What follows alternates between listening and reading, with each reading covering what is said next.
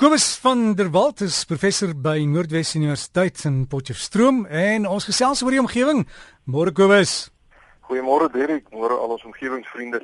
Ja Derek, jy praat van goeie energieverbruik met daai liedjie wat jy gespeel het. En dis presies wat ek vanoggend oor wil gesels. Want die van ons omgewingsvriende wat nou na die omgewingspraatjie van die eerste Saterdag van die jaar geluister het, sal onthou dat ek 'n omgewingswenslysie opgestel het. En een van die goed waarvoor ek gewens het was dagligbesparing. Met ander woorde dat ons hele land op 1 Oktober tot 31 Maart elke jaar, aan die ander woorde in die somer, ons horlosies 'n uur vroeër sal stel sodat ons saam met die son opstaan en 'n uur vroeër kan huis toe gaan. Nou die elektriese gloeilamp is 'n wonderlike ding, maar een van sy groot negatiewe effekte is dat dit ons lewe uitfase met die son gemaak het. Jy weet hierdie vanoggend byvoorbeeld, die son was 06:30 het hy opgekom. En hy sak hy sak vanaand so teen 07:30 se kant. Nou mense wat nou nog in die bed lê, het nou al klaar 1 en 'n half uur van die oggendsonlig gemors. Nou as ek nou vir jou sê jy moet 5 uur vanmiddag in die bed gaan klim en gaan slaap, dan gaan almal vir my sê man jy's mal. Maar dit bet, as jy 5 uur in die bed klim, dan gaan jy maar net 1 en 'n half uur van vanmiddag se sonlig mors. Nou waarom is dit aanvaarbaar om oggendsonlig te mors, maar nie middagsonlig nie? Uh ons leef nou in die aand in by elektriese ligte en dit is natuurlik baie sleg vir die omgewing. So die beginsel agter dagligbesparing is dat ons in harmonie met die son begin lewe. Met ander woorde as die son opkom, dan staan ons op en gaan werk. En ons lê nie soggens nog ure lank in slaap net omdat ons horlosies vir ons sê dis nog nie tyd om op te staan nie. So as ons dan 'n uur vroeër opstaan in die somer, dan beteken dit dat ons ook 'n uur vroeër van die werk af sal kan kom in die middag en 'n uur vroeër sal gaan slaap saans. Dit beteken dat ons nou nie saans ure lank nadat die son al gesak het sal aanhou dinge doen by elektriese ligte nie. As mens die jongste verslag oor klimaatsverandering van die Intergovernmental Panel on Climate Change lees, dan is daar onbetwisbare bewyse dat die hele aarde besig is om warmer te word en kweekhuisgasse is gedeeltelik daarvoor verantwoordelik. So as ons in die somer ons ligte 'n uur korter kan laat brand elke aand, dan is dit 'n baie goeie ding vir ons omgewing.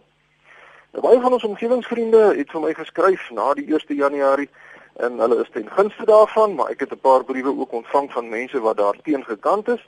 En dit is hoofsaaklik mense wat reeds vroeg opstaan om te gaan draf of te gaan oefen. En hulle argument is dat hulle eerder in die koel somersoggende wil oefen as in die warm somersmiddag. En hulle het natuurlik 'n punt beet. Ek self het baie jare padwedlope gehardloop en dit is heerlik om in die somer vroegoggend in die varsheid van die nuwe dag te gaan oefen. Maar die vraag is natuurlik of mense oefenvoorkeure kan opweeg teen die omgewing se welstand. Nou dagligbesparing is egter nie net goed vir die omgewing nie, maar ook vir die ekonomie. Professor Raymond Parsons, 'n baie bekende en vooraanstaande ekonom en ook 'n dosent hier aan die Sakeskool van die Noordwes Universiteit, het onlangs 'n berig in die Engelse media geskryf oor die wyse waarop dagligbesparing ons land kan help om deur die volgende paar jaar te kom sonder dat beurtkrag so gereeld ons lewens sal ontwrig. Nou sy standpunt is dat ons elektrisiteitsprobleem 'n gegewe is en dit gaan 'n probleem bly vir die volgende paar jaar. En weerkrag doen ons ekonomie oneindig skade. En professor Parsons sê ons moet kreatief dink om die probleem aan te spreek. Ons ekonomie groei tans teen 'n skrale 2% of selfs laer en dit lei tot gevaarlike situasies soos byvoorbeeld werkloosheid wat toeneem en die armer deel van ons bevolking wat al hoe swaarder kry. En elke kilowatt elektrisiteit wat ons in ons huise kan bespaar is belangrik want dit is 'n kilowatt wat dan beskikbaar sal wees vir ekonomiese groei.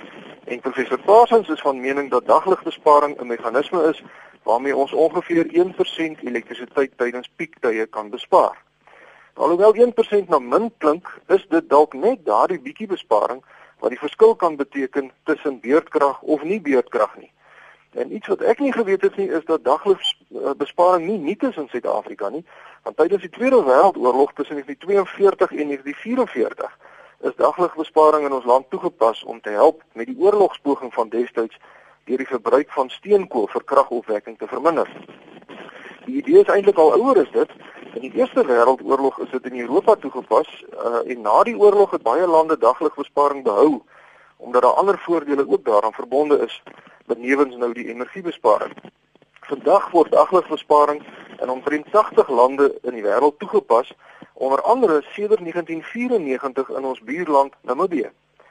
Professor Parsons is van mening dat ons 'n ernstige debat in Suid-Afrika moet hê of ons nie dalk moet probeer om dagligbesparing in te stel vir 'n proeftydperk van sê die volgende 3 jaar nie, sodat ons net die druk op Eskom so bietjie kan verlig totdat hulle nou hulle sake in orde het. En jy sal natuurlik eers jou huiswerk goed moet doen want daar is talle geldige argumente vir en teen dagligbesparing. Maar as ons goeie navorsing hieroor doen en dit lyk of die voordele meer is as die nadele, dan is dit iets wat ons definitief baie sterk moet oorweeg. Nou volgens professor Parsons word sulke navorsing reeds gedoen. Soos byvoorbeeld 'n studie wat onlangs voltooi is oor die moontlikheid van dagligbesparing in die Durban area. En die resultate van hierdie studie wys dat alhoewel die totale elektrisiteitsbesparing nie veel is nie, die vraag tydens piektye met meer as 4% verlaag kan word. En dit is presies wat ons in Suid-Afrika nodig het om beurtkrag te voorkom. Wat betref die mening van die inwoners van Durban oor dagligbesparing, was daar nie eensstemmigheid nie. Negatiewe argumente sluit dinge in soos byvoorbeeld die armer deel van ons bevolking wat ver van hulle werksplekke af bly en hulle reistyd elke dag werk toe en terug is nou reeds lank en ongemaklik. So as hierdie mense nou nog 'n uur vroeër moet opstaan in die somer dan raak dit eintlik baie ongerieflik vir hulle. En dit kan selfs lei tot 'n afname in produktiwiteit. Maar die teenargument is nou weer en dis onthou dis nou ekonomiese argumente want dit kom van professor Parsons af. Die teenargument is dat almal in die somer in die middag 'n uur vroeër by die huis of by die winkel sal kan kom wat natuurlik weer 'n ekonomiese inspuiting in die sport, die toerisme, die buitelewe sektor en die kleinhandelsektor tot gevolg sal hê. En dis ekonomiese groei wat ons land baie nodig het. So omgewingsvriende, kom ons kry die debat oor daglige besparing weer in die gang.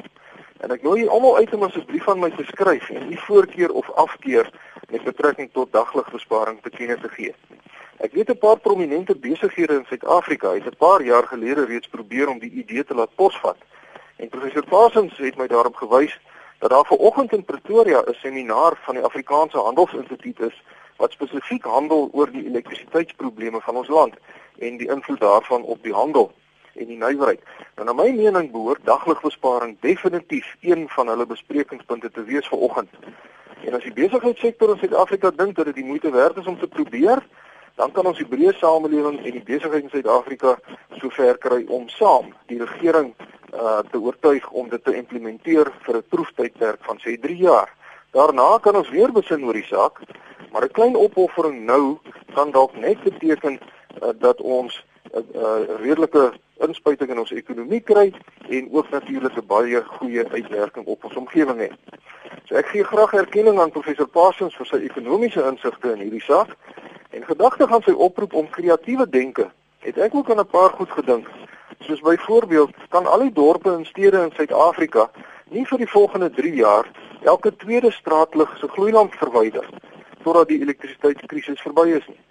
En verder, is dit regtig nodig dat kantoorligte brand in kantore wat vensters het? En dis nou bedags. Die son skyn helder buite, maar die ligte is aan. Kan ons nie maar net ons lesenaars so skuif dat die sonlig op ons werk val nie?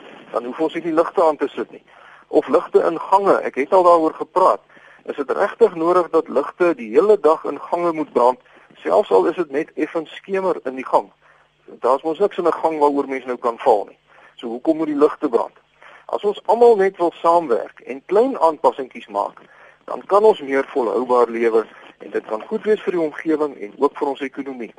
En dit daarmee sluit ek af vir oggend.